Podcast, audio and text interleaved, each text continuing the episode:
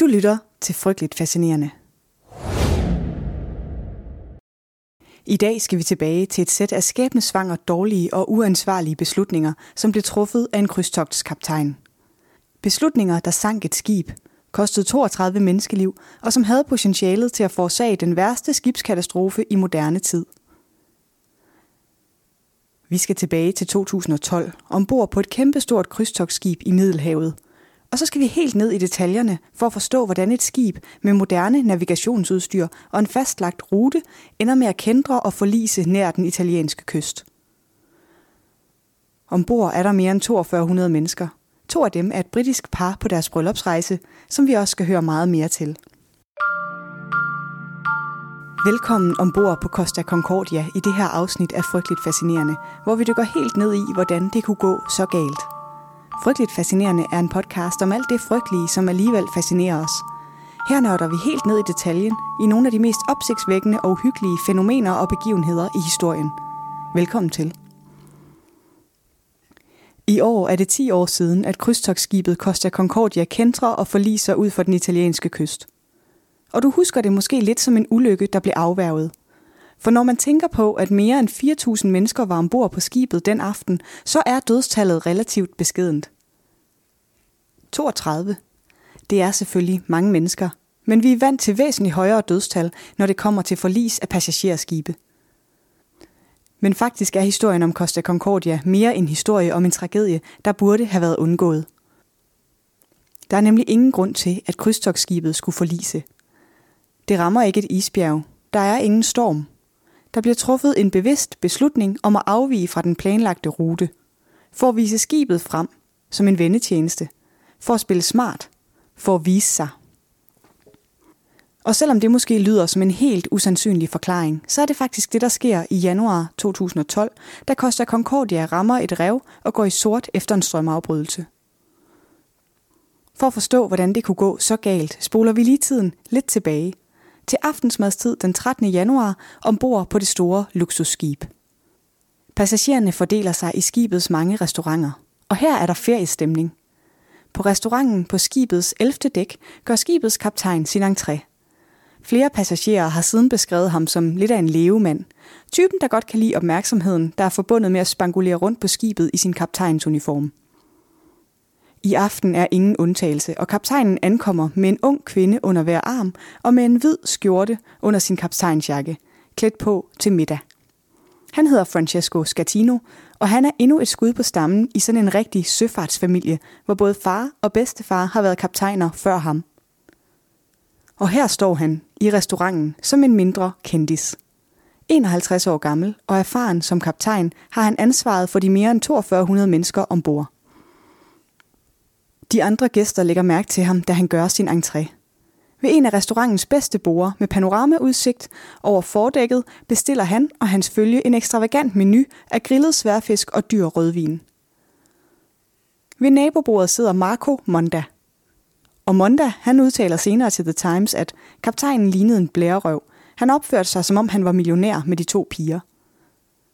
Mens gæsterne slapper af i restauranten, og kaptajnen nyder livet som skibets ukronede konge, bevæger Costa Concordia sig op ad den italienske kyst på et roligt hav. Af en fastlagt rute, som skibet har sejlet flere gange før. Klokken 9.15 forlader kaptajnen og hans følge restauranten og går mod kommandobroen. Og klokken 9.30 afviger skibet fra den fastlagte rute efter ordre fra kaptajn Schettino. For han har planer om en særlig gestus i aften – på en lille ø i nærheden af skibets rute bor en af kaptajnens gamle venner, som han gerne vil sende en særlig hilsen til. Og han vil derfor sejle skibet helt tæt forbi kysten, med alle lys tændt og tude med hornet. Og så vil han gerne vise sin elskerinde, en af de unge kvinder fra restauranten, hvor god en kaptajn han er. Hun er derfor med på kommandobroen, stik imod normal skik på et stort skib – så det er en særlig oplevelse for den 24-årige balletdanser fra Moldova, der sammen med brobesætningen kigger ud gennem de store frontvinduer på den lille italienske ø, de sejler imod. Med omkring 30 km i timen styrer det store krydstogsskib mod den lille ø Giglio. Roret er slået over i manuel funktion, og den programmerede rute i skibets computer er deaktiveret. Nu er de 4200 personer ombord fuldstændigt afhængige af kaptajnens dømmekraft. Det ved passagererne ikke noget om, mens de i afslappet ferietempo bevæger sig ud af skibets restauranter og fordeler sig på skibets aftenaktiviteter. Et britisk ægtepar på deres bryllupsrejse beslutter at gå fra restauranten til skibets agterende og se det planlagte trylleshow. And go to the magic show. There was a magician that was performing. He was actually pretty good. And suddenly there's a bang. And a judder. And the ship veered to one side. Skibet får hurtigt slagside, og passagererne mærker voldsomme ryg i skroget. Service og bestik rutscher ned ad bordene i skibets restauranter, køkkener og spisehaller. The emergency lighting came on, so the lights dimmed, and they announced, "Don't worry, it's electrical fault." Og det er sådan set rigtigt nok. Der er et problem med elektriciteten. Det passagererne ikke ved, er, at problemet er opstået, fordi motorrummene er oversvømmet efter skibet har ramt et rev. Som du måske kan forestille dig, så er det ikke sådan rigtig godt at ramme et rev. Det er ligesom at ramme et isbjerg. Det flytter sig ikke. Så i stedet rives et 53 meter langt hul i krydstogsskibets skrog. Det er det, der forklarer rykket, som passagererne har mærket, og den høje, skurende lyd af sten mod metal. Og det er derfor, lyset er gået ud. Passagererne ved det ikke nu, men Costa Concordia er ved at synke. We went back to our room.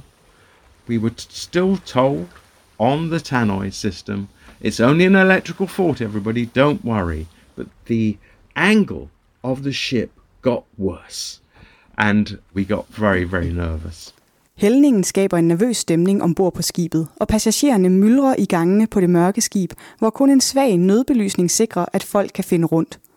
Personalet får besked på at sende passagererne i deres kahytter, og det er det budskab, der går igen hos de ansatte over skibets højtalere. Alt er under kontrol. Vi får snart nødgeneratorerne op og køre. Men det er ikke under kontrol. Ikke på nogen måde. Vandtætte rum oversvømmes, skibet tager vand ind, og slagsiden bliver hurtigt værre. Der går mere end 45 minutter, før de første beskeder om, at skibet muligvis skal evakueres, kommer ud til passagererne. 10.54. Mere end en time efter kollisionen kommer ordren om at forlade skibet endelig.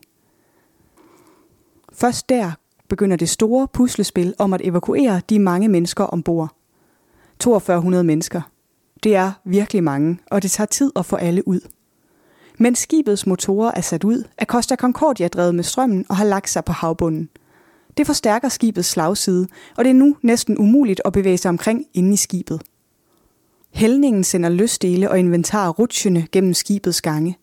Og netop skibets gange vrimler med mennesker, passagerer og personale, der forsøger at finde en vej ud. Det er ikke så let, som man måske skulle tro.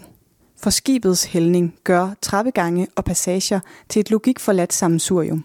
Det er svært at orientere sig, når op ikke længere er op, og ned ikke længere er ned. Vores ægtepar formår at komme ud på et dæk, der peger op mod den italienske nattehimmel.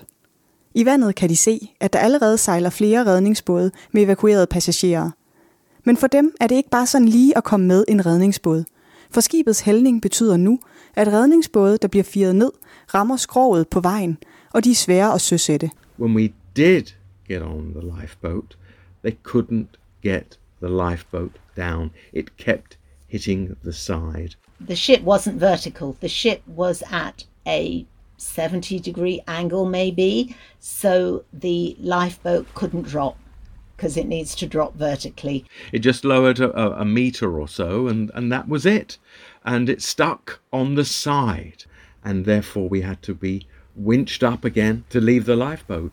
Deres eneste mulighed nu er at gå tilbage ombord på Costa Concordia. You can imagine the tilt because as we got off, the incline was so steep. I literally was propelled to the far wall. Ian managed to follow me. He um, he said that if this boat lurches anymore, that will be it. And and he said we should say some prayers. It was quite scary. A lot of people didn't know what to do, and even the stewards didn't know what to do until somebody uh, shouted in Italian to go to the back, go to the back. Ved skibets bagende skal passagererne kravle op ad en stige til en dør, der på grund af skibets hældning er som en loftlem. Omkring 400 mennesker flokkes om den ene stige, og stemningen er på kogepunktet. Der bliver skubbet og mast. Og det er ikke til at forudsige, hvad der er på den anden side af døren. Er det en flugtmulighed? Kan redningsbådene sænkes derfra? Da vores britiske ægtepar endelig kommer ud gennem døren, bliver de overrasket over, at de faktisk står på skibets sideskrog. At that point, I'm thinking, this is the side of the ship. This is the hull of the ship. And um, it is such an angle we could stand on, we could get out on. And um, it had some calming effect, I must admit. It was calming because we were no longer in a confined space. We could see a lot of lights from little boats below us. We could see helicopters above us. The fact that there were people there trying to help us was good. Med fornyet håb begiver vores par sig ud på en ræbstige, som er spændt ud over skibets buede skrov, ned mod havet under dem. De kravler i gåsegang med de andre passagerer og må holde godt fast på vejen ned. If you look down, there's about uh, 11 stories below you, and you're going down this rope ladder. You know, the spaces in between the rungs on your bottom. Der er langt ned, hvad der svarer til mere end 10 etager, og halvvejs nede hænger stigen frit i luften. Så passagererne må klamre sig fast, mens de langsomt klatrer ned mod de små gummibåde i havet nedenunder. Den nat må alle ombord flygte ud af skibet på den måde, de kan. Der er vidt forskellige vilkår, alt efter hvor hurtigt det lykkes at komme ud, hvor på skibet de befinder sig, da kollisionen sker, og hvilken vej de i al hast vælger, da det går op for dem, at det er tid til at komme ud. Tilfældigheder spiller en uhyggelig stor rolle, når katastrofen rammer. Det har jeg talt om i min podcast før, i afsnittet om Estonias forlis. Hvis du ikke har hørt det endnu, så kan det være, at du også synes, at det kunne være spændende. I forbindelse med Estonia-ulykken udtaler en forlisekspert, at når katastrofen rammer, så er det bedste, du kan gøre, at gøre det rigtige. Det næstbedste, du kan gøre, at gøre det forkerte. Og det værste, du kan gøre, det er ikke at gøre noget.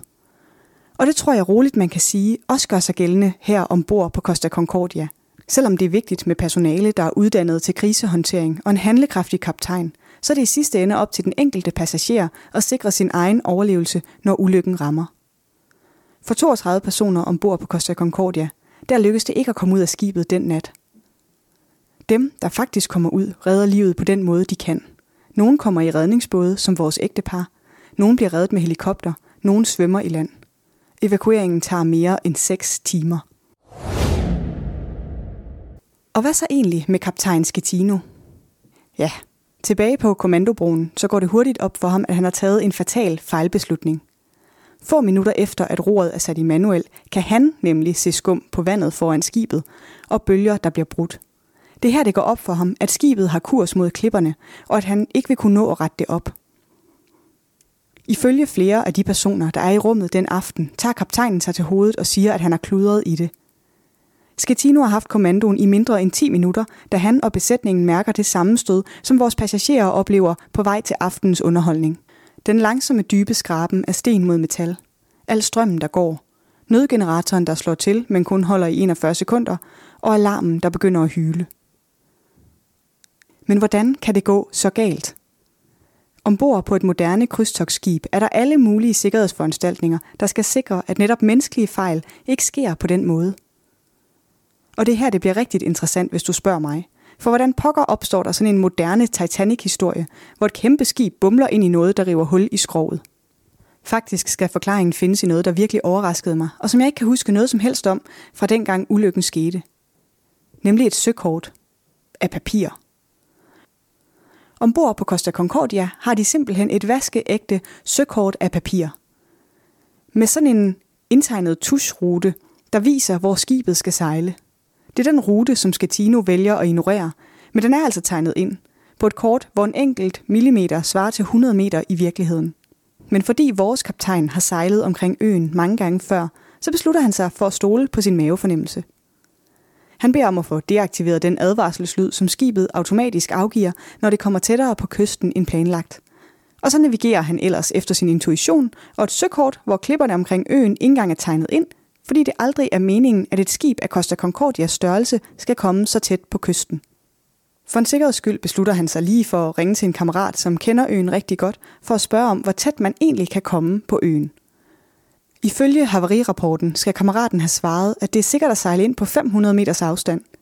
500 meter tættere på end den planlagte rute. Og svarende til 5 mm på det søkort, som vores passagerers skæbne nu afhænger af. Her med den manuelle navigation render kaptajn og besætning ind i endnu en udfordring, som får alvorlige konsekvenser for alle ombord på skibet. Bag roret står nemlig en indonesisk sømand. Han hedder Jakob, men det er ikke så vigtigt. Det, der er vigtigt, er, at han hverken er ret god til italiensk eller engelsk. Men det er ikke så mærkeligt. Sprogkundskaber er nemlig ikke det vigtigste, når man ansætter personale på et skib. Faktisk er der besætningsmedlemmer fra 38 forskellige lande ombord, der koster Concordia forliser, så sprogbarriere er en del af hverdagen.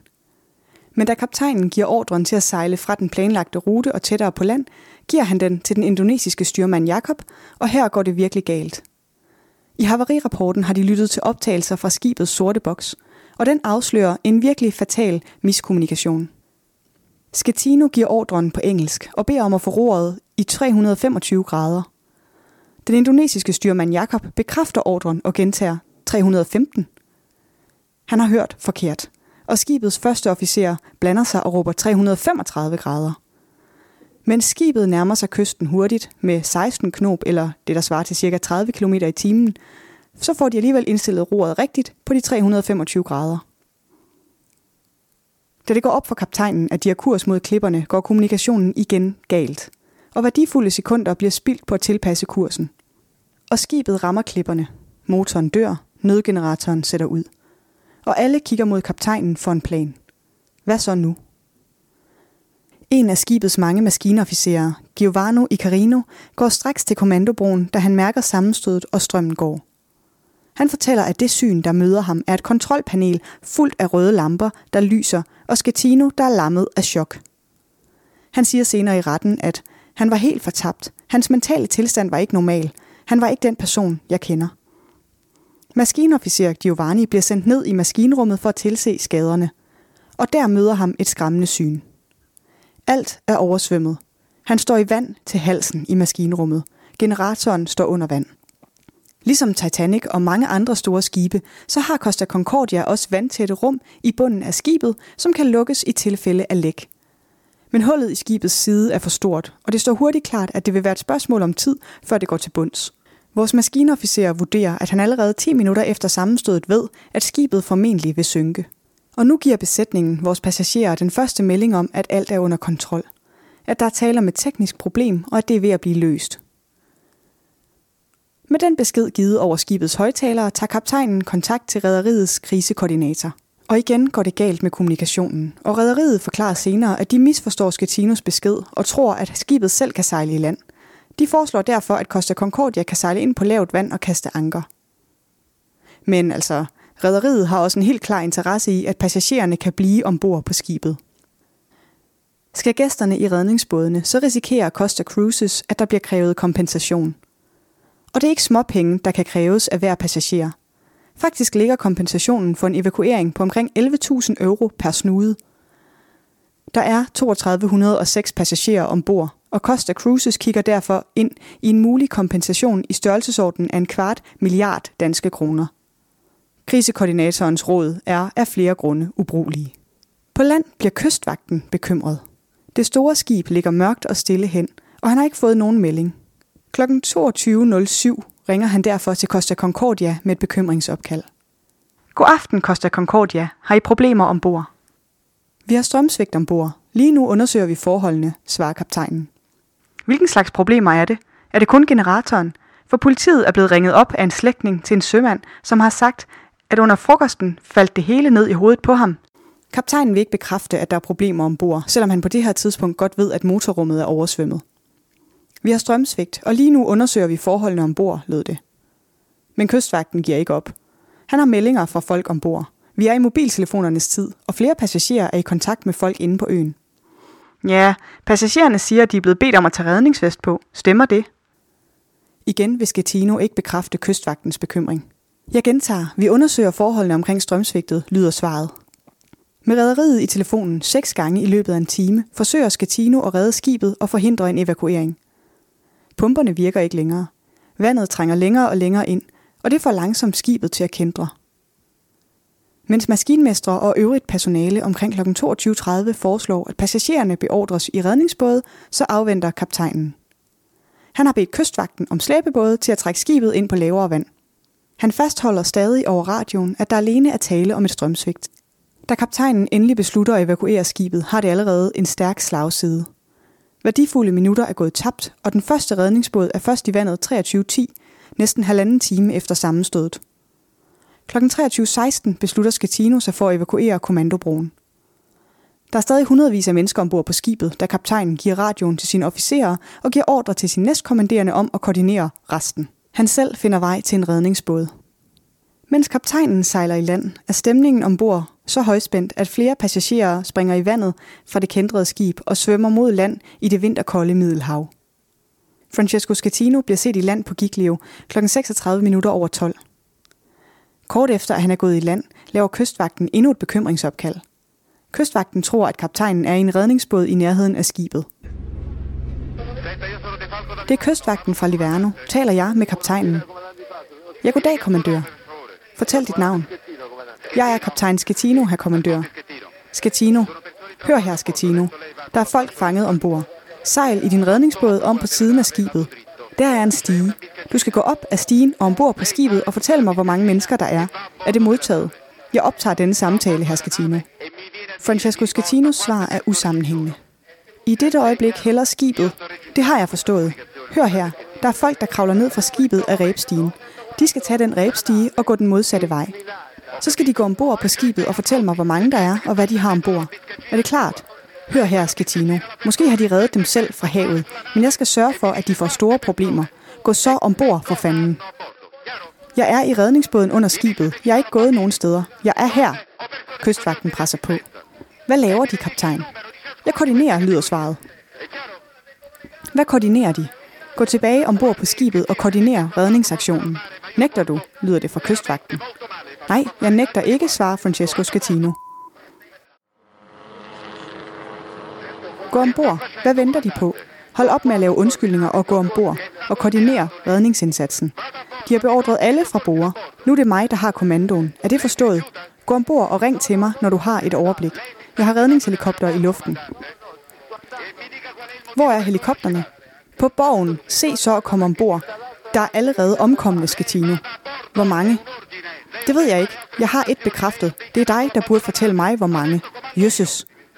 Ved du godt, har mørkt. Vi kan ikke se noget. Og hvad så? Det er mørkt, og så vil du gerne hjem, Skatino. Du går bare ombord på det skib, og så fortæller du mig, hvor mange der stadig er ombord, og hvad deres behov er. Nu. Selvom kystvagten gør de her dit forsøg. Han er en kæmpe boss. Så går Skatino ikke ombord igen, og han spiller ingen rolle i evakueringen af de mange passagerer. Den sidste overlevende bliver reddet ud efter 36 timers indespæring i det oversvømmede skib. Men på det tidspunkt har Scatino for længst taget en taxa til et hotel i nærheden. Under søforklaringerne giver kaptajnen for første gang sin egen version af, hvordan han forlader skibet. Han forklarer. Passagererne væltede ud på dækkene og stormede redningsbådene. Jeg havde ikke nogen redningsvest, fordi jeg havde givet den til en passager. Jeg forsøgte at få folk ned i båden. Skibet lå i en vinkel på 60-70 grader, og derfor snublede jeg pludselig og endte i en af bådene. Det sagde han altså. Jeg snublede, og pludselig var jeg i en af redningsbådene. Der har siden været en del snak om, om Schettino blev dømt for hårdt. Han fik lynhurtigt tilnavnet kaptajn Kujon, og han ender med at få 16 år i fængsel. Som den eneste involveret i ulykken til at få en fængselsstraf i øvrigt. Men altså, det er godt nok svært at have sympati for en overmodig mand, der siden forsvarer sin manglende ansvarsfølelse med, jeg snublede og faldt lige ned i en redningsbåd. Under retssagen viser myndighederne jo et, et tv-klip af en mand iført jakke og slips. Det ligner grangivligt Skatino, om end det er lidt grynet, som roligt står og venter på en redningsbåd. Rederiet slipper med en bøde på 1 million euro. Jeg havde faktisk næsten glemt en ret vigtig detalje, da jeg dykkede ned i hele den her historie. For midt i tragedien, så sker der næsten et mirakel. Efter skibet har ramt klipperne, så flyder det hen og kiler sig fast hen over to kystnære klipper. Og det gør det, fordi det blæser fra nord den aften, så skibet driver mod land. Men hvis vinden i stedet var kommet fra syd, som den faktisk gjorde dagen efter, så var skibet drevet væk fra kysten, og så var det med al sandsynlighed sunket. Når man kombinerer det med den totalt kaotiske måde, evakueringen blev håndteret på, hvordan passagererne fik at vide over højtalerne, at der ikke var noget galt, at de skulle forholde sig roligt, gå tilbage til kahytterne.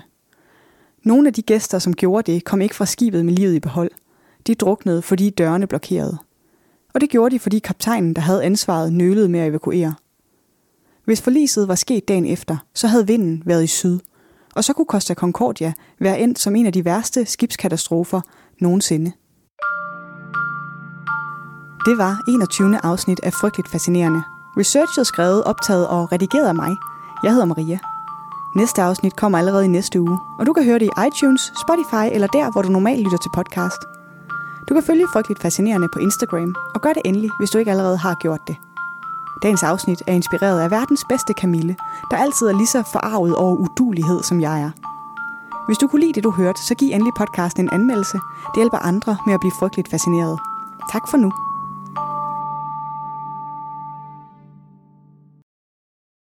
I researchen til afsnittet har jeg brugt oplysninger fra The Telegraph, BBC, TV2 og Havarirapporten via G-Captain.